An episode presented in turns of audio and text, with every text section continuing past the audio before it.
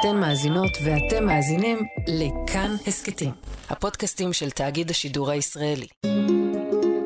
היסטוריה לילדים עם יובל מלכי.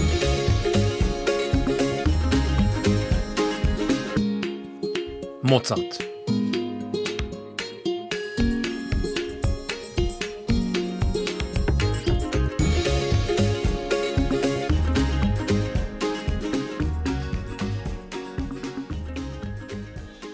שלום ילדים, שלום ילדות. היום אני רוצה לספר לכם על ילד שיצא למסעות. הוא לא גילה ארצות חדשות, לא מצא חיות נכחדות, לא שרטט מפות ולא גילה הרי געש לוהטים. אך הוא הפך להיות מפורסם כבר בגיל חמש, ורק מעטים לא שמעו עליו כלל. היום אני רוצה לספר לכם על יוהנס, קריסוסטומוס, וולפגנגוס, תאופילוס. מה, אתם לא מכירים אותו? אתם בטוחים? נו, זה ילד הפלא הזה, יוהנס קריסוסטומוס. לא יכול להיות שלא שמעתם עליו. אה, עכשיו נזכרתי, הוא ידוע בשם מוצרט, ילד הפלא של המוזיקה הקלאסית.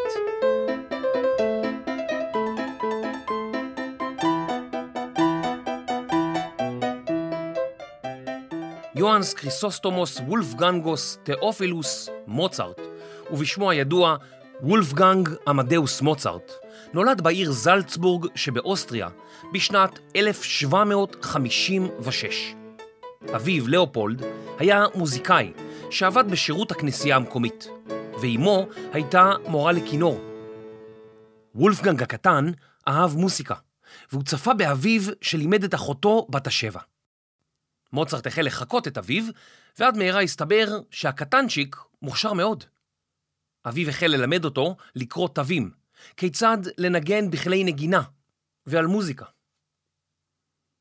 הכלים הראשונים שמוצרט למד לנגן עליהם היו כינור וצ'מבלו, כלי נגינה שנחשב לאבא של הפסנתר. מקישים עליו כמו על פסנתר, והמקשים פורטים על מיתרים. מהר מאוד התברר שלמוצרט הקטן יש חוש שמיעה מדהים, הוא יכול היה להקשיב לקטע מוזיקלי, ואז לכתוב את התווים במחברת, רק מזיכרונו. ולא רק. אה, וולפגנג, אל תשכח את הרשימה למכולת. לא צריך, אמא, כבר אמרת לי מה את רוצה, אני זוכר הכל. איך זה יכול להיות? הרי היו שם לפחות עשרים דברים שונים. נו, מה הבעיה? לחמניות, ביצים, חמאה, תפוחי אדמה, דבש, דו, רה, מי, פה, סול, לה. סי.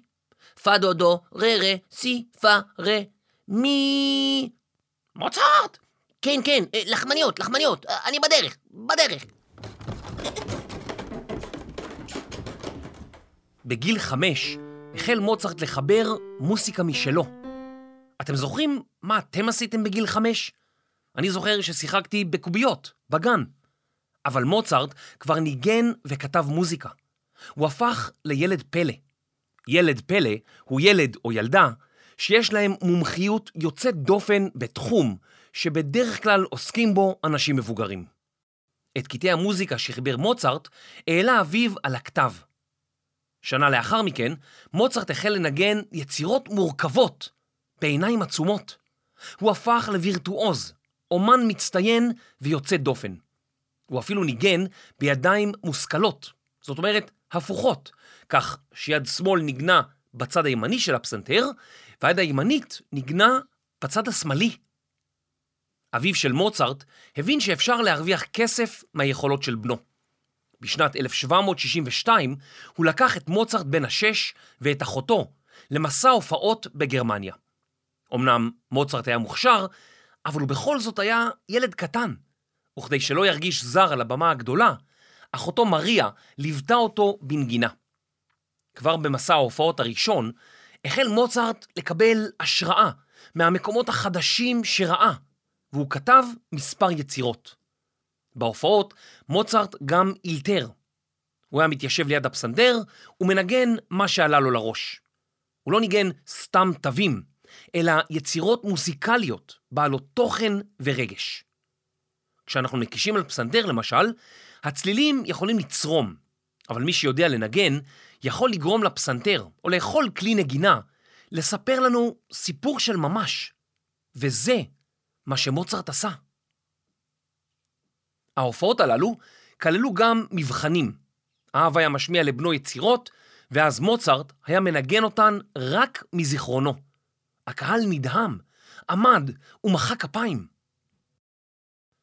מספרים שמוצרט הוא זה שגילה לעולם את התווים של המיזררה של אלגרי, יצירה מוזיקלית שהותר לנגן אותה רק פעם בשנה בכנסייה ורק ברומא. היצירה נשמרה בסוד כמוס, ורק שלושה אנשים שמרו עותק של תווי היצירה. אך כשמוצרט היה ברומא ושמע את היצירה, הוא כתב מזיכרונו את התווים, שהופצו ברבים, וכך נשמרה היצירה.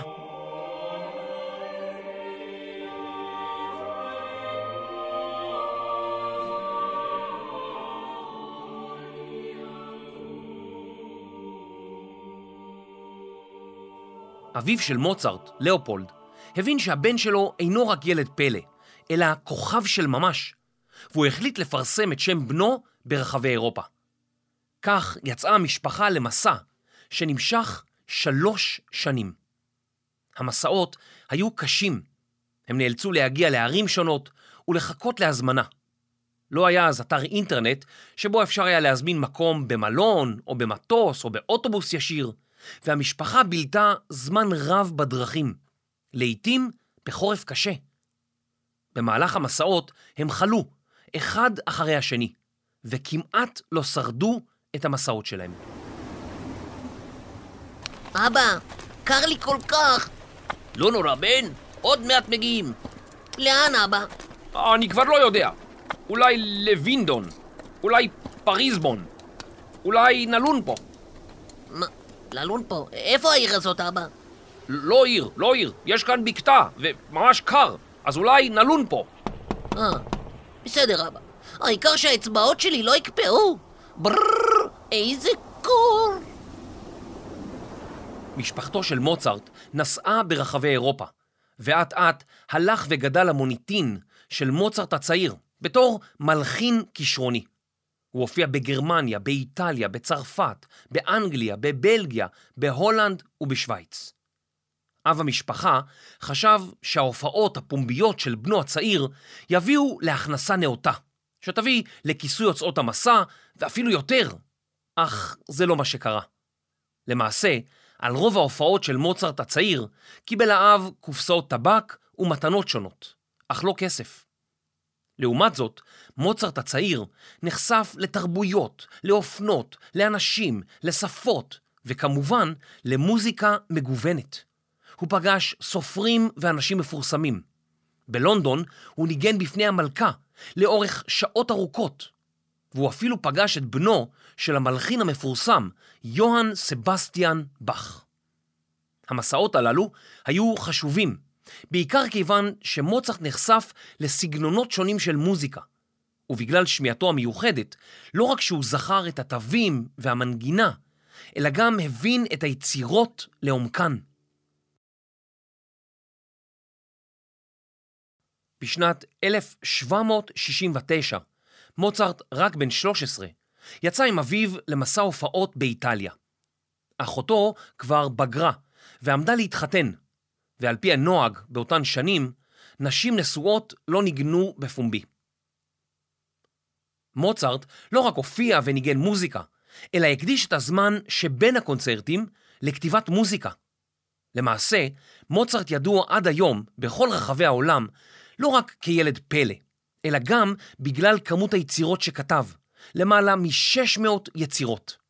הוא כתב יצירות לתזמורת שלמה, יצירות לכלי נגינה אחד, יצירות לרביעיות כלי קשת, יצירות רבות לפסנתר, יצירות לכנסייה, וכמובן אופרות, יצירות תיאטרון שמועברות בשירה ובמוזיקה.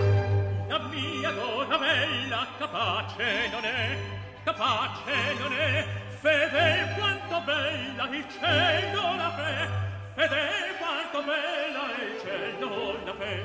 מוצרט חיבב לא רק כלי מיתר או פסנתר, אלא גם כלי נשיפה.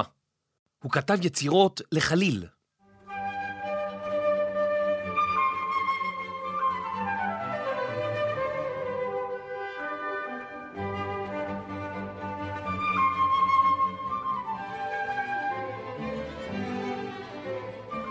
לקרן יער.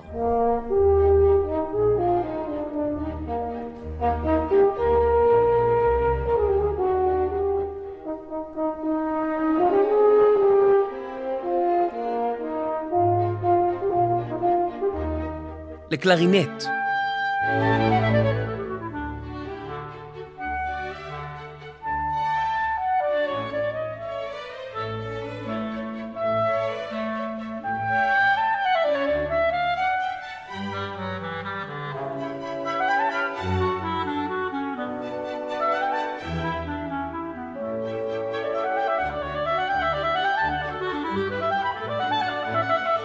לאבוב.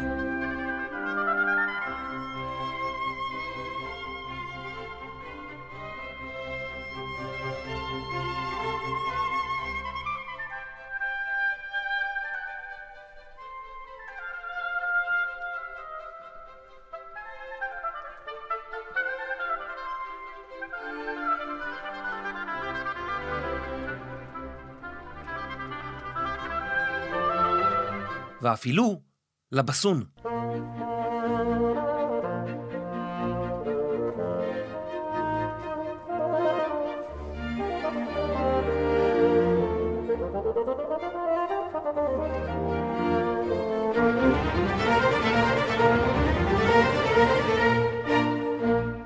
שמו של מוצרט הלך לפניו, ובגלל זה הוא איחר לכל מקום, כי שמו הגיע לשם קודם. לא, סתם, סתם, סתם. אה, בכל מקום שאליו הוא הגיע, כבר חיכו בציפייה לבואו. ואפילו האפיפיור ברומא הוקסם ממוצרט, והעניק לו אות כבוד.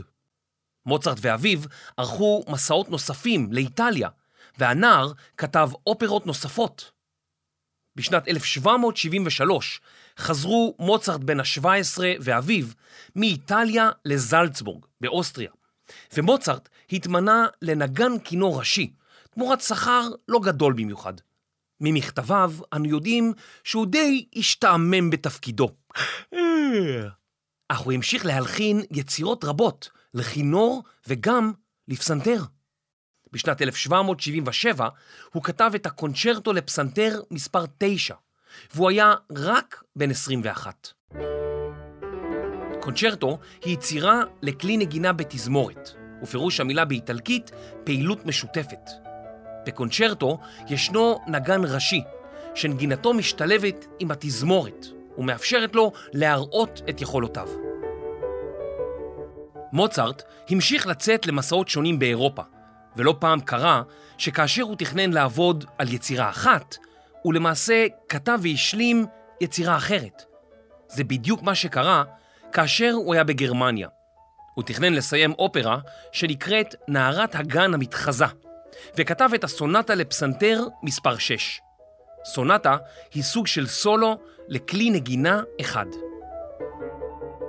הנה, תראו אותי, אני מספר לכם על מוצרט ואני מאוד מרוכז, אני רק מספר לכם על מוצרט, אני לא פתאום מספר לכם על כלבים, ובכלל, בכלבים באמת, הגזע האהוב עליי הוא רועה גרמני, שזה נקרא גם כלב זאב, ובכלל, כלבי זאב מקורם באירופה. הם הוכלאו ממספר גזעים שונים. היום בכלל כלבי זאב משמשים במשימות שיטור, בצבא, בכלל, הצבא המודרני של היום הוא מורכב מ... אוי, מוצרט, מוצרט, כן, מוצרט.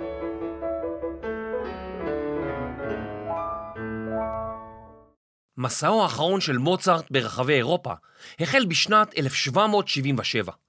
הפעם ליוותה את מוצרט אמו, והשניים הגיעו לערים שונות בגרמניה ובצרפת. מוצרט השתעמם בתפקידו ורצה משרה אחרת, מוזיקאי בחצר של נסיכות. הוא ניסה להתקבל בכמה ערים שונות, אך נדחה שוב ושוב. מוצרט גם התאהב בזמרת אלואיזה ובר, אך היא דחתה אותו. ואם כל זה לא מספיק, בסוף שנת 1778 אמו של מוצרט חלתה, כאשר היו בפריז, ולבסוף נפטרה. מוצרט נשבע שהוא לעולם לא יחזור לפריז, עיר האורות. הוא השיג משרה חדשה בעזרת אביו, נגן ראשי בחצרו של נסיך בזלצבורג. אך גם שם הוא לא מצא עניין. בשנת 1781 שב מוצרט בן ה-25 לווינה, בירת אוסטריה. רבים מאצילי העיר התעניינו בו וביצירות שכתב. בעיר נשבה רוח תרבותית חדשה, ובתוך זמן קצר יצירותיו של מוצרט זכו להצלחה מסחררת, והוא החל להופיע לא רק כמוזיקאי, אלא גם כמנצח. ממכתביו עולה כי לאחר כל הצער שהוא חווה, סוף סוף החל להאיר מזלו. אבא היקר, אמש ניגנתי קונצ'רטו בתיאטרון. האולם היה מלא, והקהל קיבל אותי בהתלהבות. גם לאחר שירדתי מהבמה, הקהל לא הפסיק למחוא כפיים, וכך נאלצתי לחזור על היצירה. מחיאות הכפיים היו סוערות. מוצרט גם התאהב ונשא לאישה את קונסטנצה ובר, אחותה הצעירה של הלואיזה. אביו התנגד לנישואין, מחשש שהדבר יפגע בקריירה שלו. השניים התווכחו במכתבים ויחסיהם הידרדרו. מוצרט התחתן בכל זאת, ולו ולאשתו נולדו שישה ילדים, אך רק שניים שרדו את גיל הילדות, ובעצמם לא הביאו ילדים לעולם. מוצרט ומשפחתו חיו בווינה, בפאר, התגוררו באזור יוקרתי, העסיקו משרתים, ושלחו את בנם לפנימייה יקרה. בשנת 1783 נסע מוצרט בן ה-27 לבקר את אביו בזלצבורג, כדי לסיים את הסכסוך ביניהם. לא רק שהביקור לא הצליח, אביו של מוצרט בחר להתכחש לכלתו ולא לקבל אותה כחלק מהמשפחה. דבר טוב אחד יצא מהביקור. מוצרט כתב יצירה מפורסמת, המיסה בדומינור. מיסה היא יצירה מוסיקלית המיועדת למקהלה ששרה בכנסייה. המיסה הזו ידועה בתור אחת מיצירותיו הדתיות הגדולות ביותר של מוצרט.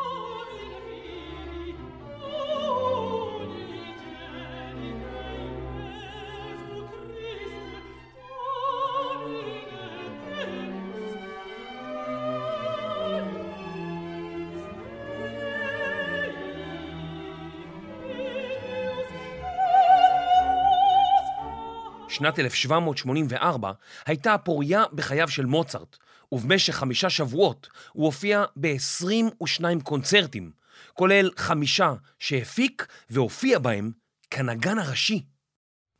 על מוצרט נאמר כי לא היה משהו מיוחד במראהו החיצוני. הוא היה איש קטן למידותיו, ורק עיניו הנלהבות העידו על גודל כישרונו.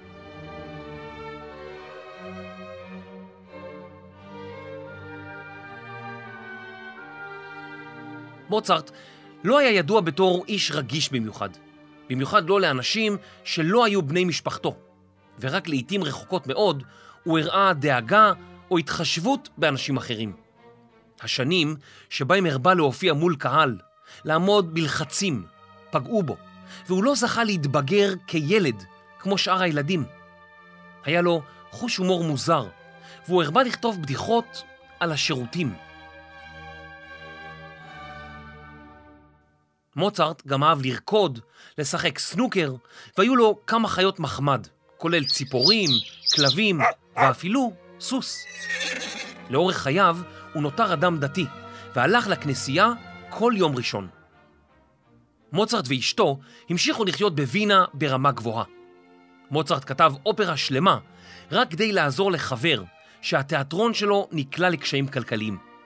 למרות שהאופרה הייתה מהמוצלחות שכתב מוצרט, הוא לא זכה לרווחים כספיים. הוא המשיך לחיות ברמה גבוהה, אך אט אט מצבו הכלכלי הידרדר, ואז גם בריאותו. בתקופה הזו מוצרט כתב שתי אופרות, המוצגות לקהל ברחבי העולם עד היום הזה. נישואי פיגארו, או היום המשוגע,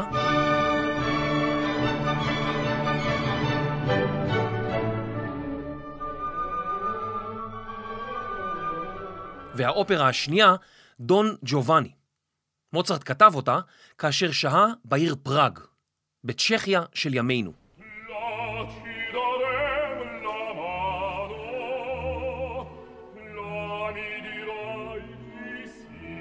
מאז ומתמיד נמשך מוצרט לפראג, ואף אמר על תושביה, הפראגים שלי מבינים אותי. בעוד בווינה החלה הפופולריות של מוצרט לרדת, בפראג רק החלו להעריץ אותו. מוצרט זכה בתהילה, בכבוד, וכמובן בכספים רבים. האופרה דון ג'ובאני הייתה המוצלחת ביותר שכתב מוצרט מבחינת הכנסות, ועד היום, בדומה לנישואי פיגארו, פתיחתה מנוגנת בתור יצירה עצמאית. דון ג'ובאני הוא סיפור על מאהב שרדף אחר נשים רבות, אך נכשל פעם אחר פעם. יש האומרים שדון ג'ובאני היא יצירת האומנות היפה ביותר בעולם.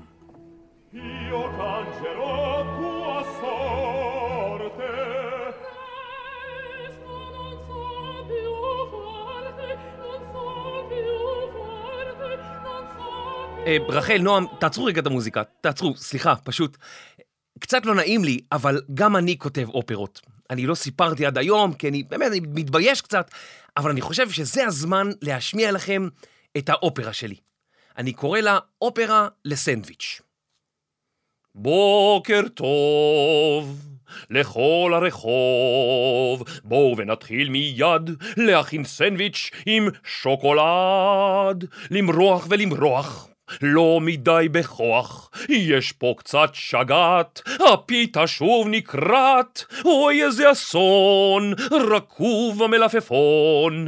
מה יהיה היום אני שואל? טוב, נאכל פלפל. נו, אהבתם? לא, אתם עושים הראש כזה... לא נורא, אני אמשיך לנסות, מה לעשות? אמשיך לנסות, מה לעשות?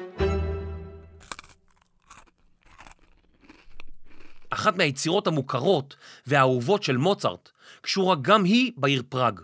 סימפוניה מספר 38, המכונה הסימפוניה הפראגית.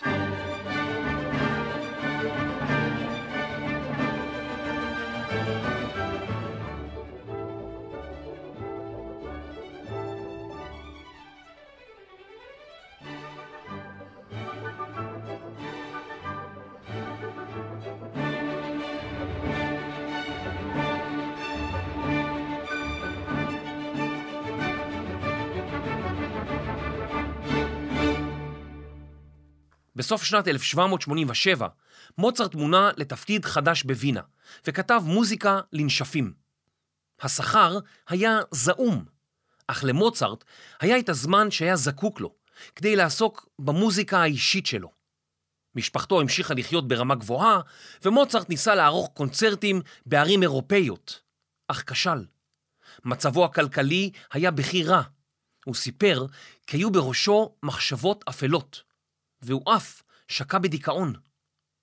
דווקא השנים הקשות עזרו למוצרט להפוך שוב ליצירתי, והוא כתב את חליל הקסם, אולי האופרה המוכרת ביותר שכתב מוצרט. האופרה מספרת על נסיך יפה תואר, המתאהב בביתה של מלכת הלילה המרשעת.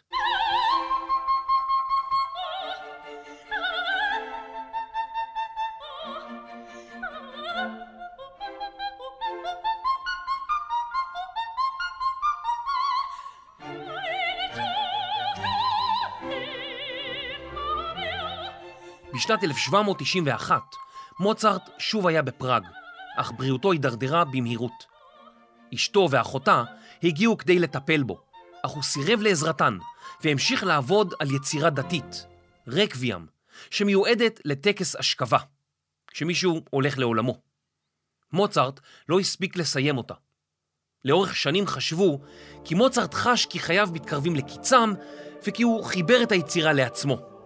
עם הזמן התברר כי היצירה הוזמנה על ידי איש אצולה כמחווה לאשתו שנפטרה. בגיל 35 מוצרט כבר לא היה איש בריא, ובסוף אותה שנה הלך לעולמו. הוא לא סיים את היצירה האחרונה עליה עבד, אך אשתו קיבלה את הזכויות עליה, והעבירה אותה לתלמידיו, כדי שיסיימו אותה.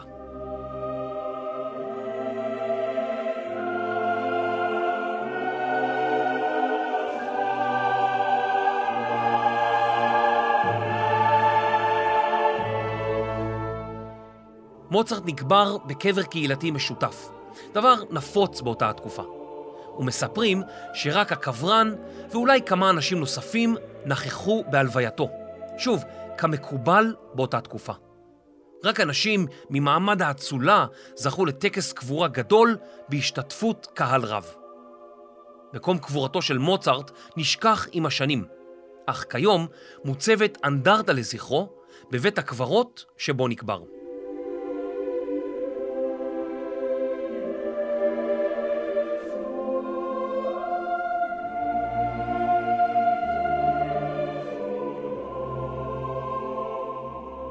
יצירתו של מוצרט השפיעה על מלחינים שונים.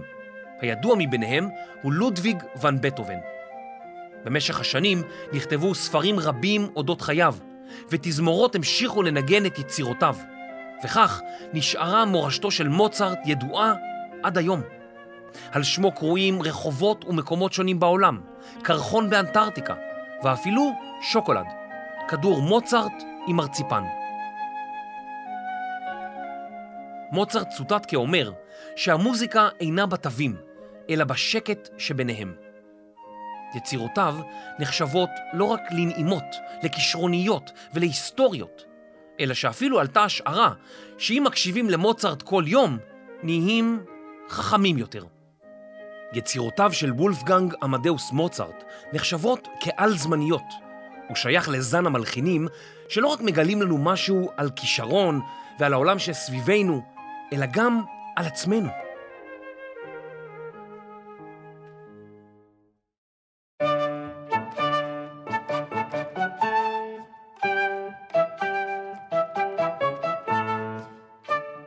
אחת היצירות המוכרות ביותר של מוצרט נקראת מוסיקת לילה זעירה. היא נכתבה לכלי מיתר, אך אנחנו נשמיע אותה בגרסה שקטה יותר של חליל ופסנתר. אנחנו לא יודעים עד היום עבור מי היא נכתבה, והיא לא פורסמה בימי חייו של מוצרט. עכשיו, עיצמו את העיניים, ותנו למוזיקה לקחת אתכם למסע. הקשיבו לצלילים, ודמיינו שיש לכם כנפיים. אתם עולים למעלה למעלה. לאן תטוסו? להרים ירוקים? לקרחונים ושלגים? למדבר האדום? תנו לצלילים לקחת אתכם הרחק, הרחק.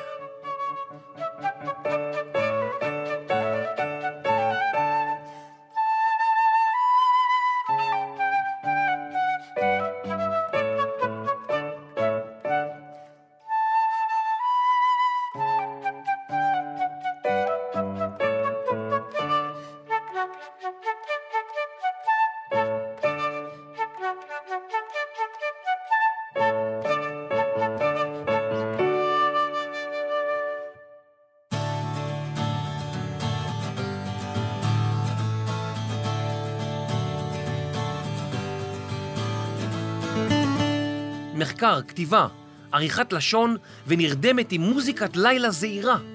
דינה בר מנחם. עריכה, קריינות וחבר של דון ג'ובאני. יובל מלכי. עריכת סאונד, מיקס, ועדיין נמצאים בחתונה של פיגארו. נו רחל, נועם, צריך לערוך את הפרק, תחזרו, מה, כמה, חתונה ארוכה, מה, אתם אוכלים את כל ה... תעזבו כבר את האוכל, ת, תפסיקו לרקוד, תחזרו מהחתונה של פיגארו, זה לא כזה מ... רחל רפאלי ונועם ברלכיס. הפקה וסימפוניה בפה מלא. ניר גורלי, אבי שמאי ורני שחר. אני יובל מלכי, היסטוריה לילדים.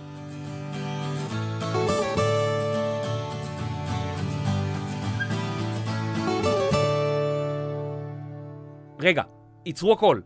אם אתם מאזינים דרך אפל, ממש נשמח שתדרגו אותנו ותכתבו מה אתם הכי אוהבים בהיסטוריה לילדים. זה עוזר לנו מאוד, אז תודה. נשמח לראות אתכם גם בקבוצת הטלגרם שלנו, היסטוריה לילדים, שם תוכלו להציע הצעות לפרקים ולשמוע מה חדש. פרקים נוספים של היסטוריה לילדים ניתן למצוא באתר כאן, ביישומון כאן וביישומונים לרכב ולטלוויזיה. תודה.